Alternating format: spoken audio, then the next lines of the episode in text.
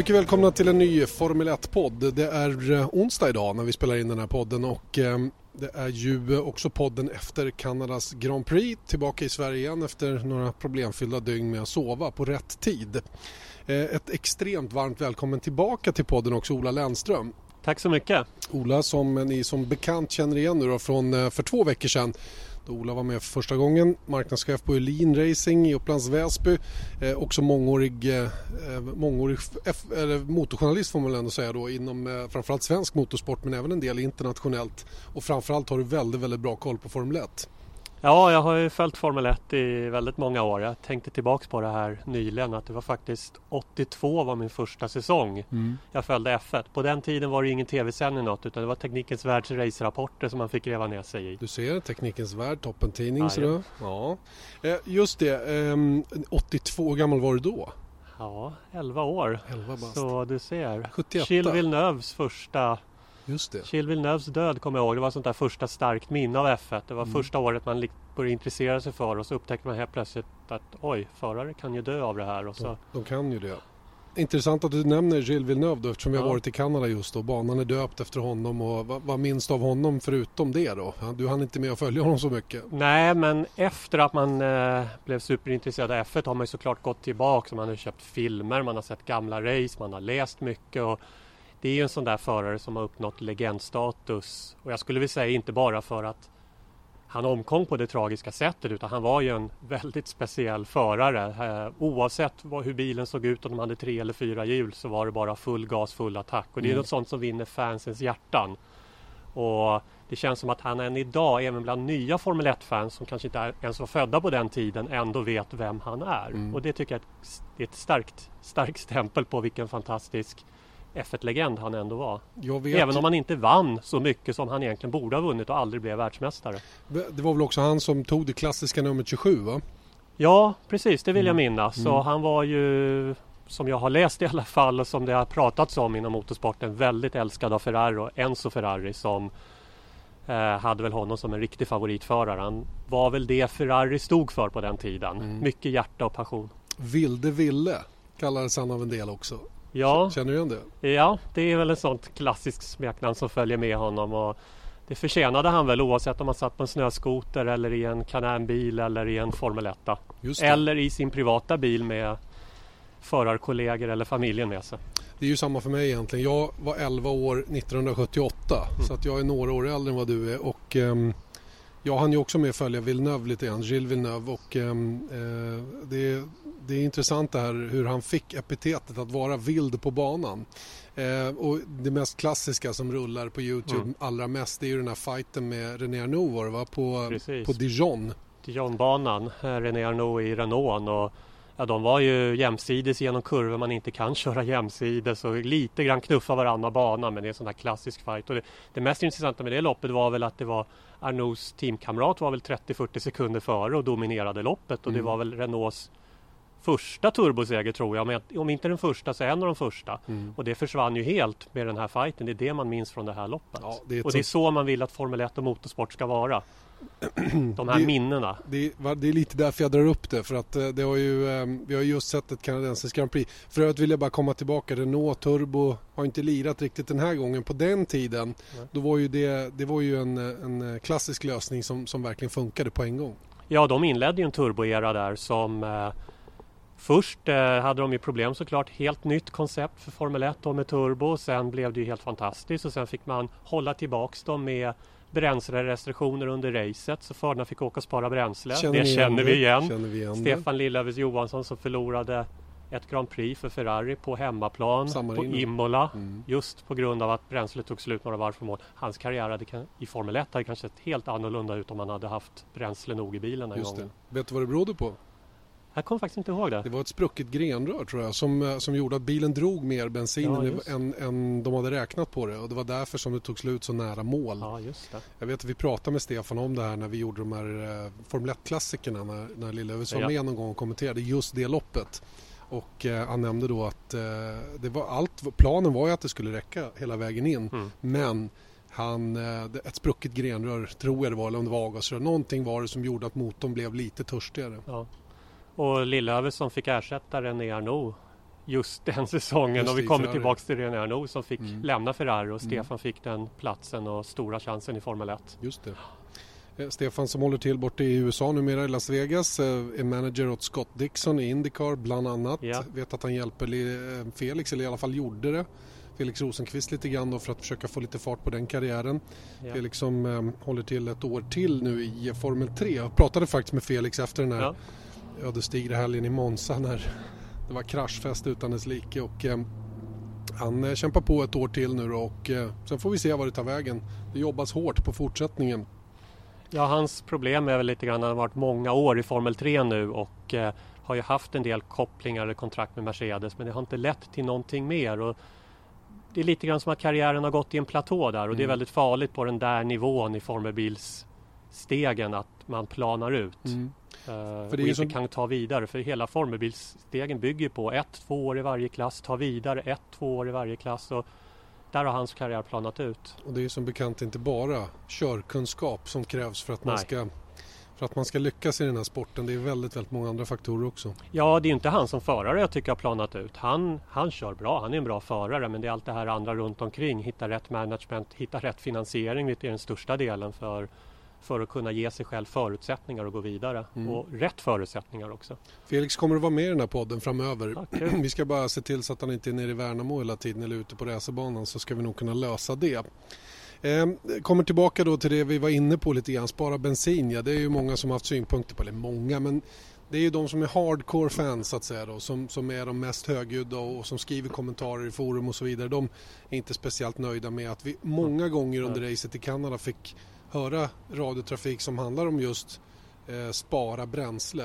Eh, det, det, är ju ett skällsord egentligen för många eh, inbitna Formel 1-fans där. Och, eh, jag uppfattar det ändå som att det, finns, det fanns en speciell anledning till att det blev så den här gången. Det kom ju aldrig ut någon säkerhetsbil. Vilket jag är garanterat på mm. att alla hade räknat med skulle hända. Ja, sen är ju Kanada en bana som är, även på den tiden då, det, då vi inte hade de här bränslerestriktionerna, så var bränsle och bromsar, det var ju två saker som var tuffa i Kanada. Alltid har varit tuffa i Kanada. Sen är det tråkigt att höra att vi har två teamkamrater som dominerar racet, ligger i toppen men cirka en sekund från varandra. Och man väntar på den här fighten, utmaningen mellan den här rivaliteten. Men den händer aldrig för man får höra att den ena föraren ska spara bromsar och den andra föraren ska slå av och lift and coast i 100 meter. Mm. Och då blir man som fan och tittare, men det, det, blir lite jobbigt att höra för man ser äntligen får vi en fight i toppen.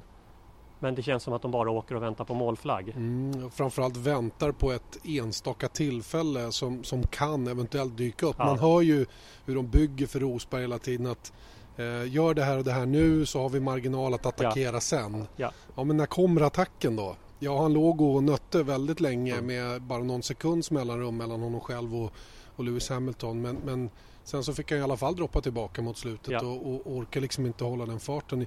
Jag undrar dock om det handlar om om det handlar om eh, så att säga att han behöver spara på grejen eller om det helt enkelt är så att han inte räcker till. Vi ska göra klart för oss att de här två bilarna är ju extremt jämna också. Ja. Det, det skiljer ju ingenting och att, att sitta i en Mercedes och köra om den andra det är inte lätt alltså med tanke på vad de har under sig.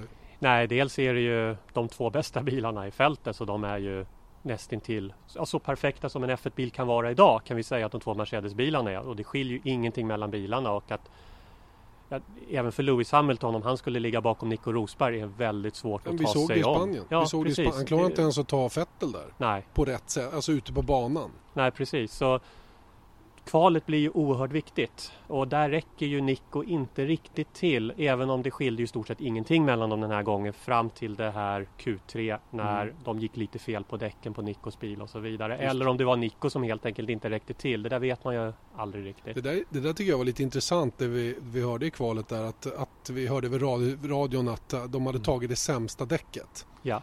Eh, som jag har förstått det nu, jag frågade Eje till att börja med vad, vad, vad är det som gäller? Hur funkar det här? Hur kan de säga att de har ett sämre sätt däck? Har de mm. olika bra däck som de får från Pirelli? Och på den, på den frågan svarade Eje, ja självklart är det så, det kan skilja. Mm. Och det kan skilja i vikt och det finns helt enkelt en, en kvalitetskontroll inom teamen som är oerhört rigorös. Där man väger och ser hur mycket man behöver balansera upp och, och sådana saker och det där spelar stor roll för hur bra det här själva sättet blir då. Mm. Och eh, då har de väl säkert rangordnat de här och vad jag förstår så får de ut sina 11 race-set Och sen får de ett tolfte set, ja. det här extra setet däck som man använder då i Q3. Eh, om man nu går dit och som bara får användas i kvalet. Och det här är tydligen så att man, man går igenom de här däcken, väger och fixar och donar och kontrollerar eh, vad det nu kan vara. Jag, jag har aldrig sett, det ska jag faktiskt ta reda mm. på vad det är man gör. Mm. Ja men det vore, det, det vore, det vore intressant, intressant att veta. Det är typ ett reportage för våran tv-kanal ja. känns det som. Eh, och, och, då kommer man då fram till att det finns olika bra setdäck så att säga. Då. Han var tvungen ja. att ta ett av de sämre vid, vid ett knepigt tillfälle i alla fall mm. som jag uppfattar det då. Och eh, jag fick också veta att ehm, eh, flera av de mindre teamen har inte den här kvalitetskontrollen Nej. som gör att de får helt enkelt ta det de får. Och eh, när de får, de får sina set och de är, de är ju påkrängda däcken och de är balanserade ja. utav Pirelli och så vidare och sen så får de bara köra med dem så att säga. Det gäller till exempel Sauber. Och det här ser vi i så många, det är ju inte bara F1, i så många serier även om man pratar om att man har enhetskomponenter eller enhetsdäck eller samma däck, samma motorer så är det ändå hur man hur, hur, man som team jobbar med de här enhetsgrejerna. Där skiljer det ändå mellan olika team. Där det gör att två team, två team eller fem team har samma motorer, en hel serie har samma motorer. Men det finns ett team som får till sina motorer mycket bättre. Samma mm. sak med däcken i det här fallet i Formel 1. Alla har samma däck från Pirelli men några team jobbar ännu mer, lite mer professionellt med det mm. än andra. Eller bättre, bättre resurser att kunna göra de här kvalitetstesterna. Det är nog framförallt det, att man har bättre resurser. Ja. Det gäller över hela linjen. Det gäller allt ifrån just de här materialkontrollerna till vilka strateger man har, hur många strateger man ja. har och vilka datasimuleringsprogram som man kan mm. använda för de här bitarna. Och det är klart att det, det skiljer när man väl kommer ut på banan. Eh, tycker du att Kanadas Grand Prix var tråkigt att kolla på? Jag tycker, eh, det är väl kanske inte ett Kanadas GP som går som man ser tillbaks på fem år och tänker wow vilket race. Men jag tycker det var ett fullt godkänt race. Även om det var inte så mycket fight i toppen. Men av förklarliga skäl. Men jag tycker det var väldigt mycket roliga fighter ner i mittfältet. Mm. Eh, du hade Fettel och Massa som jagade sig upp genom fältet och gjorde fler omkörningar som inte bara var DRS-omkörningar. Som var jättekul inte. att se. Eh, med svenska ögon mätt så fick vi se Marcus Eriksson fightas framförallt det som tror jag blev omkörningen för racet. The eh, move of the day. Exakt, mm. han och Massa som var och det var väldigt kul att se. Det är också kul att eh, det plockades upp i tv-produktionen så man inte bara följde de här två bilarna längst fram som kanske inte gjorde så mycket. Så jag tycker det var ett fullt godkänt race. Eh, ganska, det hände dock inte så mycket som det brukar göra i Kanadas GP. Inga regn, inga olyckor, ingen säkerhetsbil. Men ett ganska rent rent race, ja, cleant race. Verkligen och eh, som du nämnde då den här fighten mellan Massa och Eriksson blev ju oerhört sevärd där mm. han till att börja med stod emot eh, på de på de avgörande ställena i, i DRS-zonerna väldigt länge då. Ja. Eh, till slut så fick han ge sig då när Massa tvingade sig upp och eh, det blir ju då på yttern in i kurva 1 ja. för där behöver man vara för att sen få in genom kurva 2. Mm. Eh, Marcus försökte bet, bita tillbaka där men, men ehm, det räckte inte riktigt. Traction räckte inte och jag menar det, det, var ju, det, det skiljer säkert en, en och en halv sekund i fart per varv på de där två bilarna. Det är klart ja. att det någonstans ger utslag. Det var kul att se var ju ändå att eh, Marcus eh, bet emot och, och, och, gjorde det inte lätt för Massa att komma om och att det blev en ren clean fight mellan de båda också.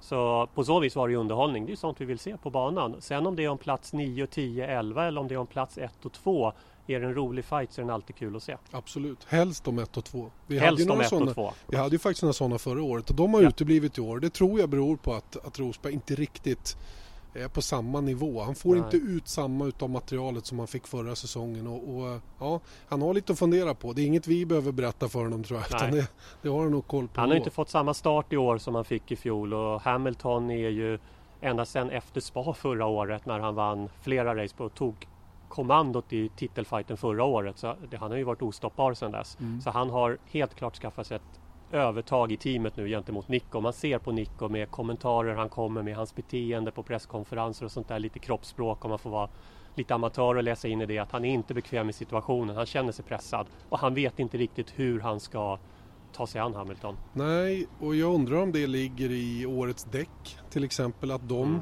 passar honom lite sämre. Det kan tänkas att det är så. Vi har ju flera förare som, som lider av att de, de här däcken som används i år kanske är snäppet hårdare än man hade under 2014 och framförallt bakdäcken vet ja. vi är förbättrade till i år men det verkar även runt om så att säga att det är Ta Supersoft till exempel mm. som är ett alldeles för hårt däck i år än vad, än, än vad det borde vara kan jag tycka. Mm. Håller alldeles för länge på den här typen av banor och det kanske är sånt som Rosberg lider av när han ska göra sina ja. ultimata fullfartsvarv när de skulle vara på full effekt från ja. Mercedes. Och jag har, jag har en, eh, någon idé där om att Nico kräver han kan vara fantastiskt bra, han kan slå Hamilton men då ska allting funka perfekt för honom.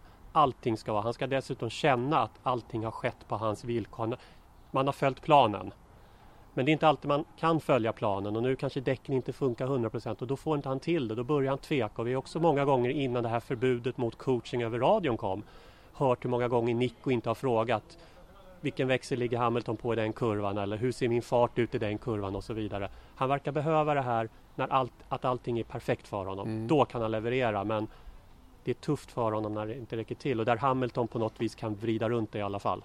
Verkligen och Hamilton hade ju ingen ingen uh, slät väg fram till, till kvalet. Han hade ett, en sista träning som, som han knappt körde något överhuvudtaget. Och, ja, det, var, det var lite småstökigt och ändå när det kommer till det avgörande varvet så är han två, tre tiondelar snabbare. Ja.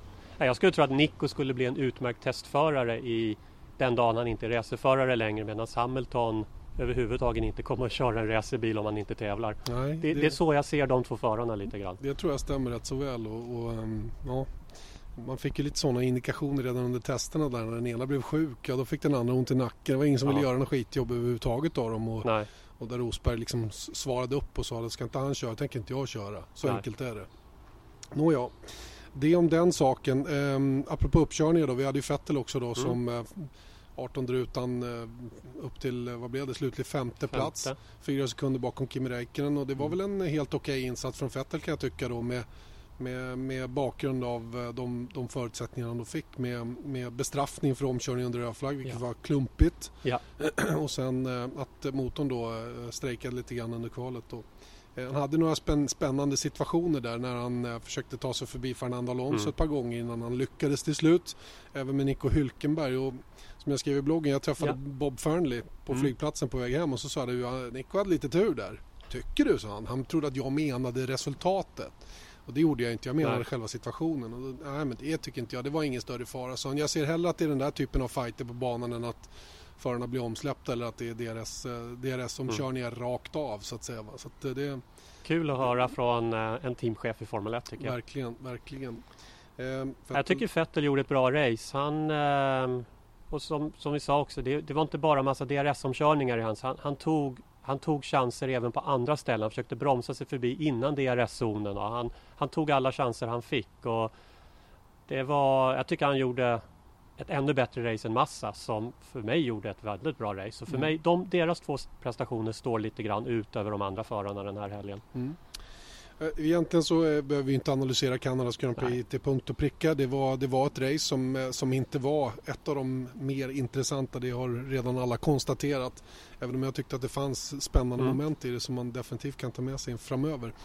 Det som hände annars under helgen tycker jag, som jag vet att du har följt med i, det mm. var ju det faktum att um, det dök upp en artikel i um, Financial Times om att uh, de mindre teamen i Formel 1 ville dra de tre stora inför EU-kommissionen då.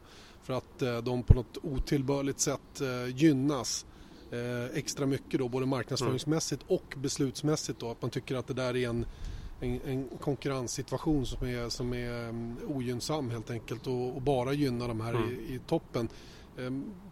EU kommer, jag vet inte ens vad de, hur, hur pass...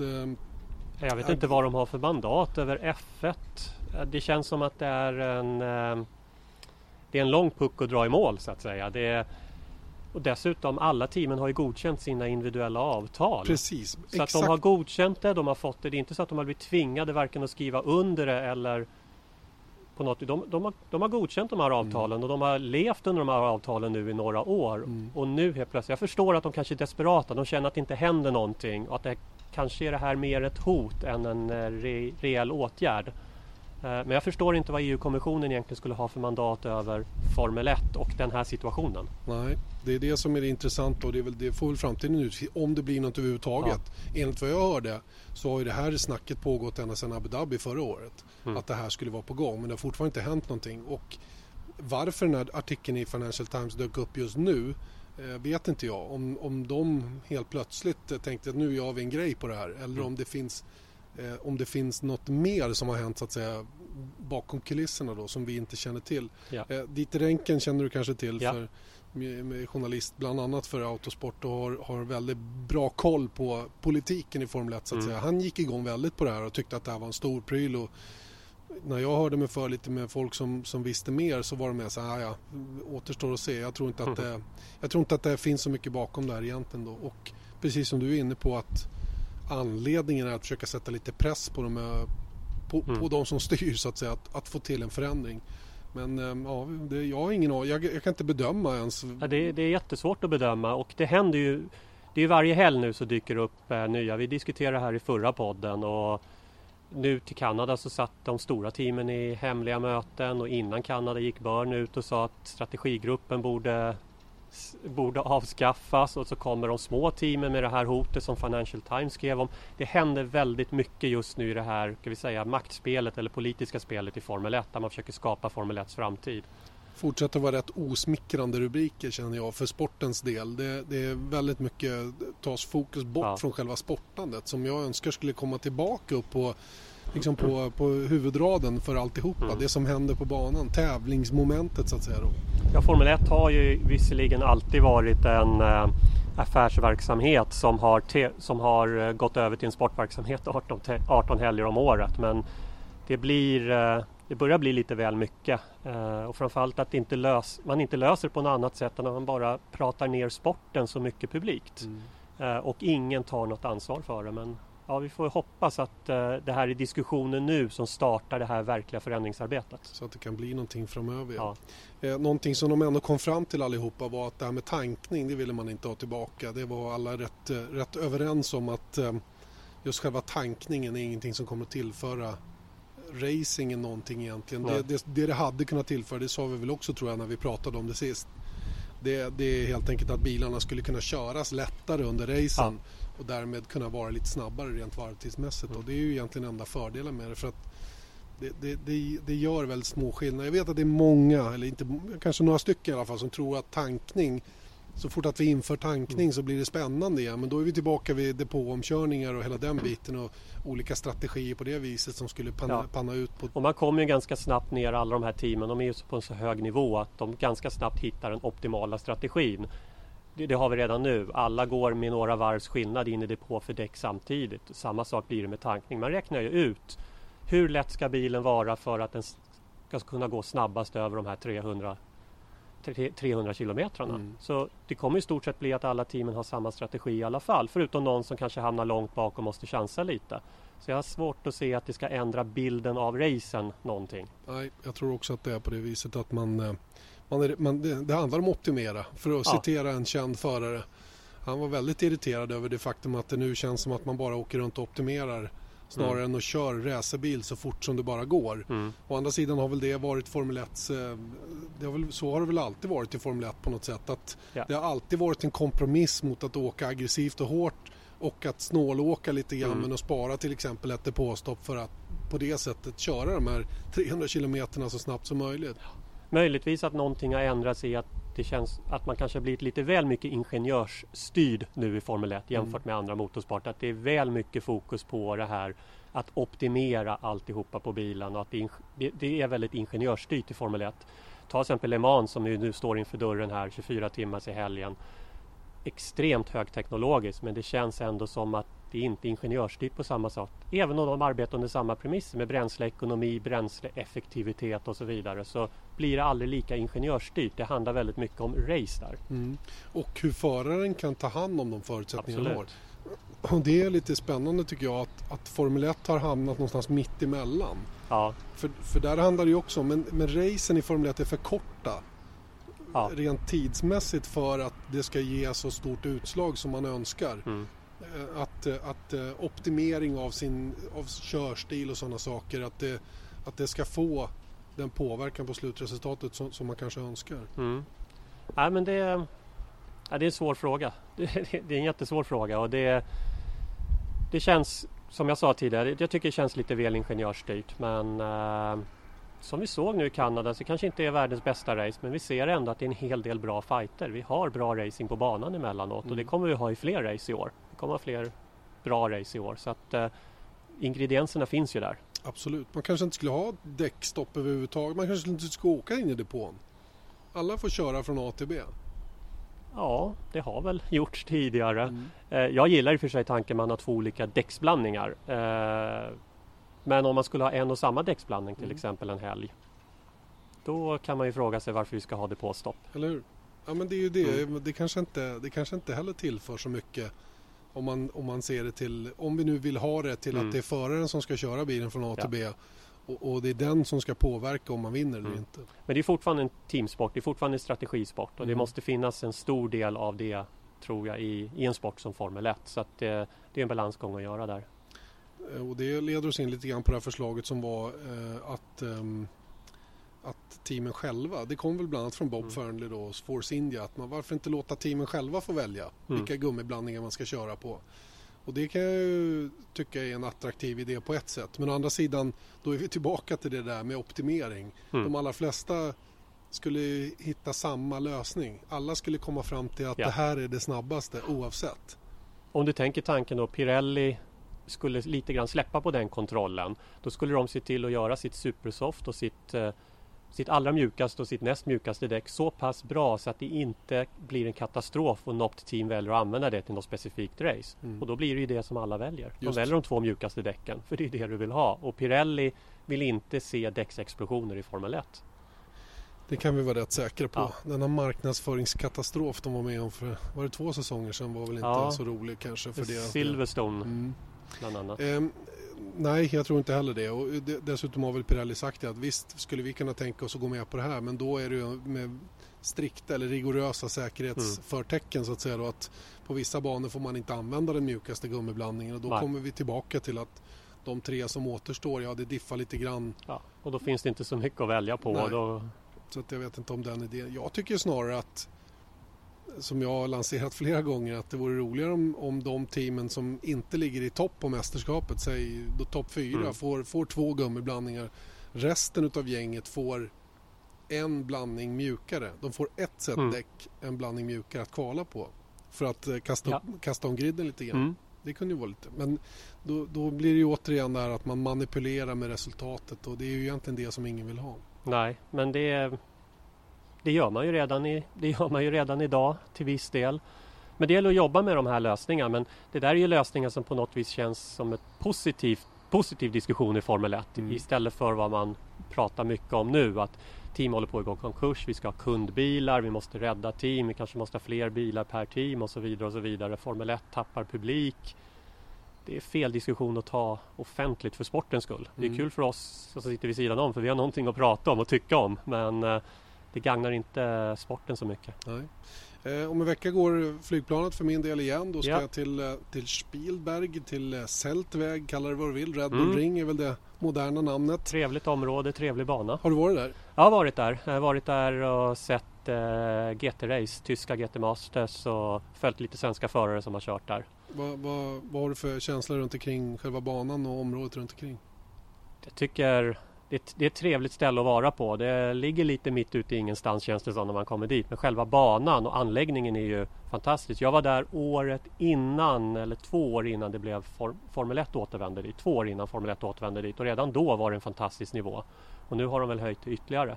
Och banan i sig är, är faktiskt väldigt rolig. Jag har till och med blivit körd runt banan och det är en snabb bana. Mycket intressanta kurvor. Vi har haft intressanta roliga race där tidigare i Formel 1. Så även om den inte mäter upp sig mot gamla Österreich Ring så är det ändå en väldigt fin bana. Nej, och jag gillar att den är tillbaka på kalendern. Eje var lite sådär, han, han menar på att uh, det ska, vara, det ska vara den där långa, superlånga banan mm. som, som användes förr i tiden. När den kom tillbaka då som A1-ring när den byggdes om. Ja. Eh, då, då var den ju väldigt kraftigt förkortad. Och, ja. och, um, ja, i, och det är såklart, har man sett gamla Hockenheim mot nuvarande Hockenheim så är det ju en gamla Hockenheim är ju någon, var någonting speciellt på de här långa raksträckorna ut i skogen. Men jag tycker ändå att eh, för vad den är så är det en väldigt kul liten bana. Mm. Och väldigt kuperad va? Väldigt kuperad. Jag har nämligen aldrig varit där. Okej. Okay. Så du har, du har en upp på mig där. ja. Så det blir ja, jag första tror gång. du kommer få trevligt. Ja. Eh, enligt uppgift så ska vi bo hyggligt nära banan det tror jag är en fördel har jag förstått. Ja, det, det finns ett hotell vid banan och du går över till depån så att säga. Så mm. det, det är nog värt att rekommendera. Jag bodde inte där så att eh, jag bodde långt bort i en annan by. Då är det jobbigare. Eh, finns det någon mm. anledning att tro att det ska bli något annat resultat där än vad vi har sett de andra tävlingarna tror du? Nej, jag tror inte. Det låter jättetråkigt att säga bara rakt upp och ner nej. Jag tror att Mercedes kommer att ha ett övertag. Jag tror Williams kommer att kunna utmana Ferrari på den här banan. Jag har bara en känsla. De var starka där i fjol. Just det, hade de inte pole?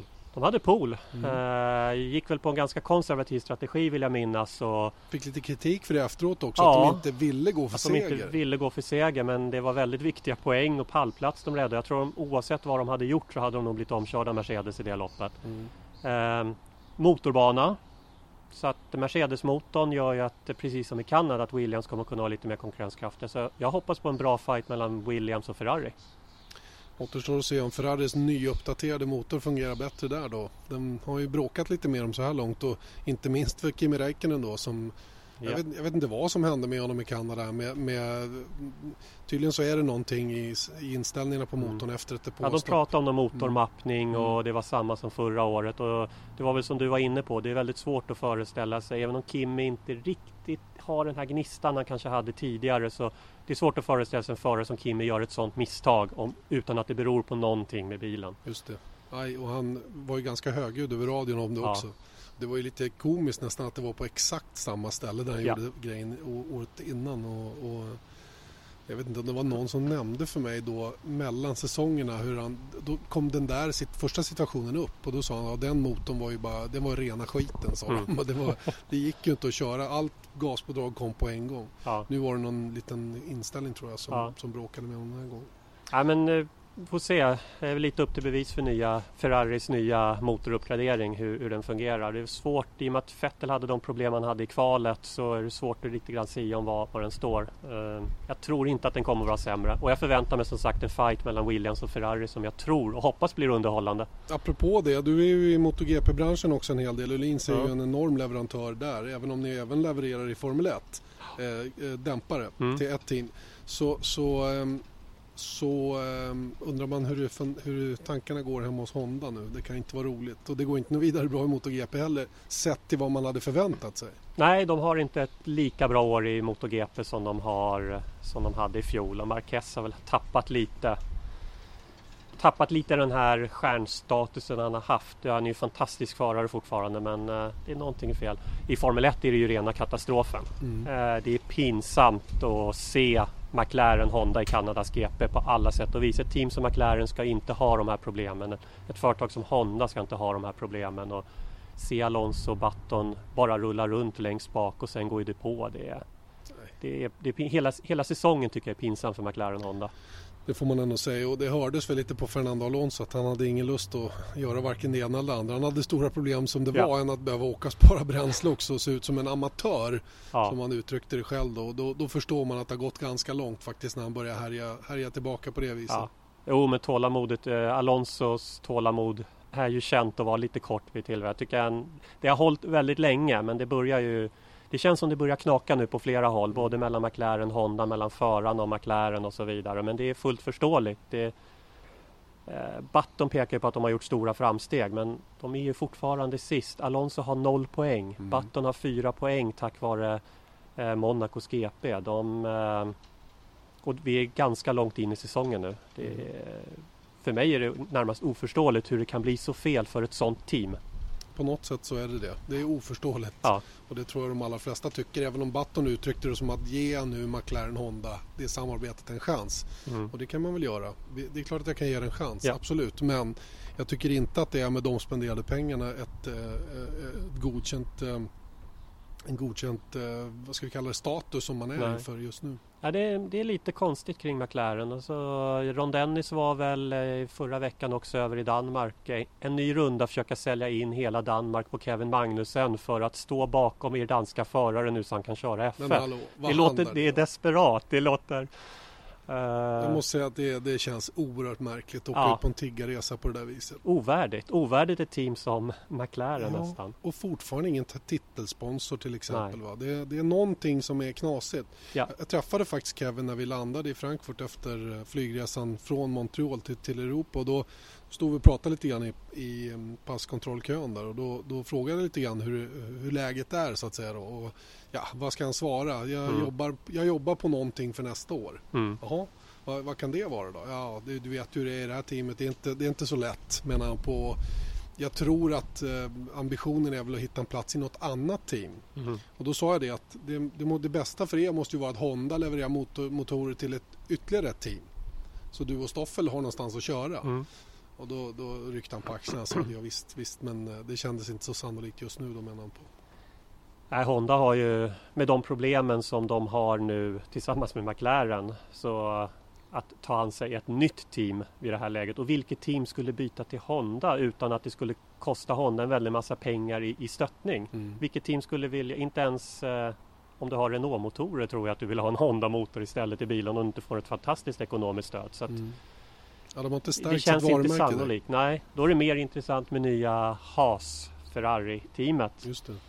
som eh, jag har varit skeptisk till om det är ett nytt Caterham, Anor, HRT. Men det verkar ju som att de har ett väldigt starkt samar starkare samarbete än vad jag trodde med Ferrari. Och den verkar nästan bli Ferraris B-team nu lite grann. Till och med så starkt så att de andra teamen har reagerat och trott Ja. att det fubbas lite grann i vindtunnorna hemma i Maranello där, där eh, naturligtvis Haas får jobba hur mycket man vill i vindtunneln men där Mm. Ferrari är starkt, har starka restriktioner på hur mycket man får vara i vindtunneln då och där ifrågasatte man om det inte fanns lite för många beröringspunkter som fabriksteamet Ferrari kunde ha nytta av. Då. Men det skickade man någon FIA-kontrollant för att, för att Mm. titta till och eh, den kontrollanten som är gammal RO-chef på McLaren tror jag Mm. jag minns inte riktigt men han, han, han var väldigt nöjd med det han såg. Hur man nu kan bli nöjd med vad man ser när man åker dit. Jag vet inte om de presenterar någon dokumentation eller jag har ingen aning hur det går till. Det måste Nej. vara hur lätt som helst. Nej, med mindre att man gör en oanmäld kontroll Ja, så, så hinner man ju plocka undan det som eventuellt inte ska vara där i form av Ferrari-chassin och Ferrari-tekniker. Men det är väl lite grann som eh, det här som dök, har dykt upp med jämna mellanrum i alla år i F1 med flexande framvingar och så vidare. Mm. Man, man klagar på någonting och så blir det en liten sak av det men det känns inte som det ligger så här jättemycket bakom det. Nej, det ska bli spännande att se. Mycket. Haas, Haas Ferrari. Och sen har ju faktiskt FIA ansökt om ytterligare ett team. Eh, Mm. nu i maj så kom det eh, en öppning då för den hugade spekulanten om det nu finns någon. Och, och jag, eh, min enda slutsats är ju att det finns någon som vill in. Och att det är Mm. därför man öppnar upp. För vem har tid att göra någonting under de här månaderna för att vara på startlinjen nästa säsong redan? Det, det känns ju inte sannolikt. Nej, då blir det ju ett nytt, eh, om, vi låter, får, om vi får säga ett nytt HRT eller Caterham eller Mm. man kommer in kanske på, som, som kom in på premisser som, de in, som inte riktigt visade sig vara, vara sanna sen. Eh, förutsättningar som de trodde skulle finnas där i form av budgettak som inte blev av och så vidare. Att hoppa in med så kort varsel, vi ser Honda har haft ett 12 månader på sig, mer än 12 månader på sig att utveckla den här motorn och har inte kommit än. Så att, som du säger, det kanske finns något mer team i bakgrunden, vilket det nu skulle vara. Hur roligt det än är att prata i podd så Mm. kan, man göra, kan man inte göra det hur länge som helst. Vi eh, ska runda av för den här veckan och Mm. eh, hoppas att ni har haft stort nöje med vårt samtal den här gången. En ny podd kommer tillbaka nästa vecka och eh, faktum är att planen är att som gäst nästa vecka ha eh, F1-journalisten Mark Hughes. Spännande. Mark Hughes som jobbar för Motorsport Magazine numera. Mm. Gick från, eh, från Autosport till Motorsport Magazine förra säsongen vill jag minnas och eh, är en väldigt, väldigt högt ansedd journalist. Mycket teknisk kunskap och god insikt i det mesta som händer i Formel 1-depån faktiskt. Det ska bli spännande att fråga ut honom lite grann om hur han ser på Ja. den, det moderna Formel 1 och vad som kommer att hända framöver. Lite grann om hur han ser på årets säsong och ja, naturligtvis eh, göra en, eh, för då får vi en objektiv bedömning av vår svenska förare i Formel 1 också, Marcus Precis, Eriksson. som vi kanske kan inte alla gånger kan, Ja. kan ha. Men eh, Vi, vi försöker ju och Absolut. jag gör mitt bästa. mm. Men det är klart att man har ju Mm. lite svenska ögon, så är det Mm. ju. Ja, men det, det låter som en intressant gäst. Ja, så att eh, podden är tillbaka om en vecka igen och Ola eh, önskar dig lycka till med vad du nu ska göra framöver. Ja, Är det, det blir faktiskt åtta timmars race i Linköping Jaha. på lördag. Jag Sådär, följer ja. dina fotspår och Bra. kör för Lestrup Racing och en Mini som jag vet du har kört tidigare. Just Så det, ja, ja, vad kul. första gången i år som jag får dra på mig föraroverallen. Toppen bra. Då Mm. ser du till att skaffa lite mer erfarenhet på det området. Eh, lycka till med det och så, så så hörs vi framöver. Tack och trevlig resa till Österrike. Tackar. Thank you.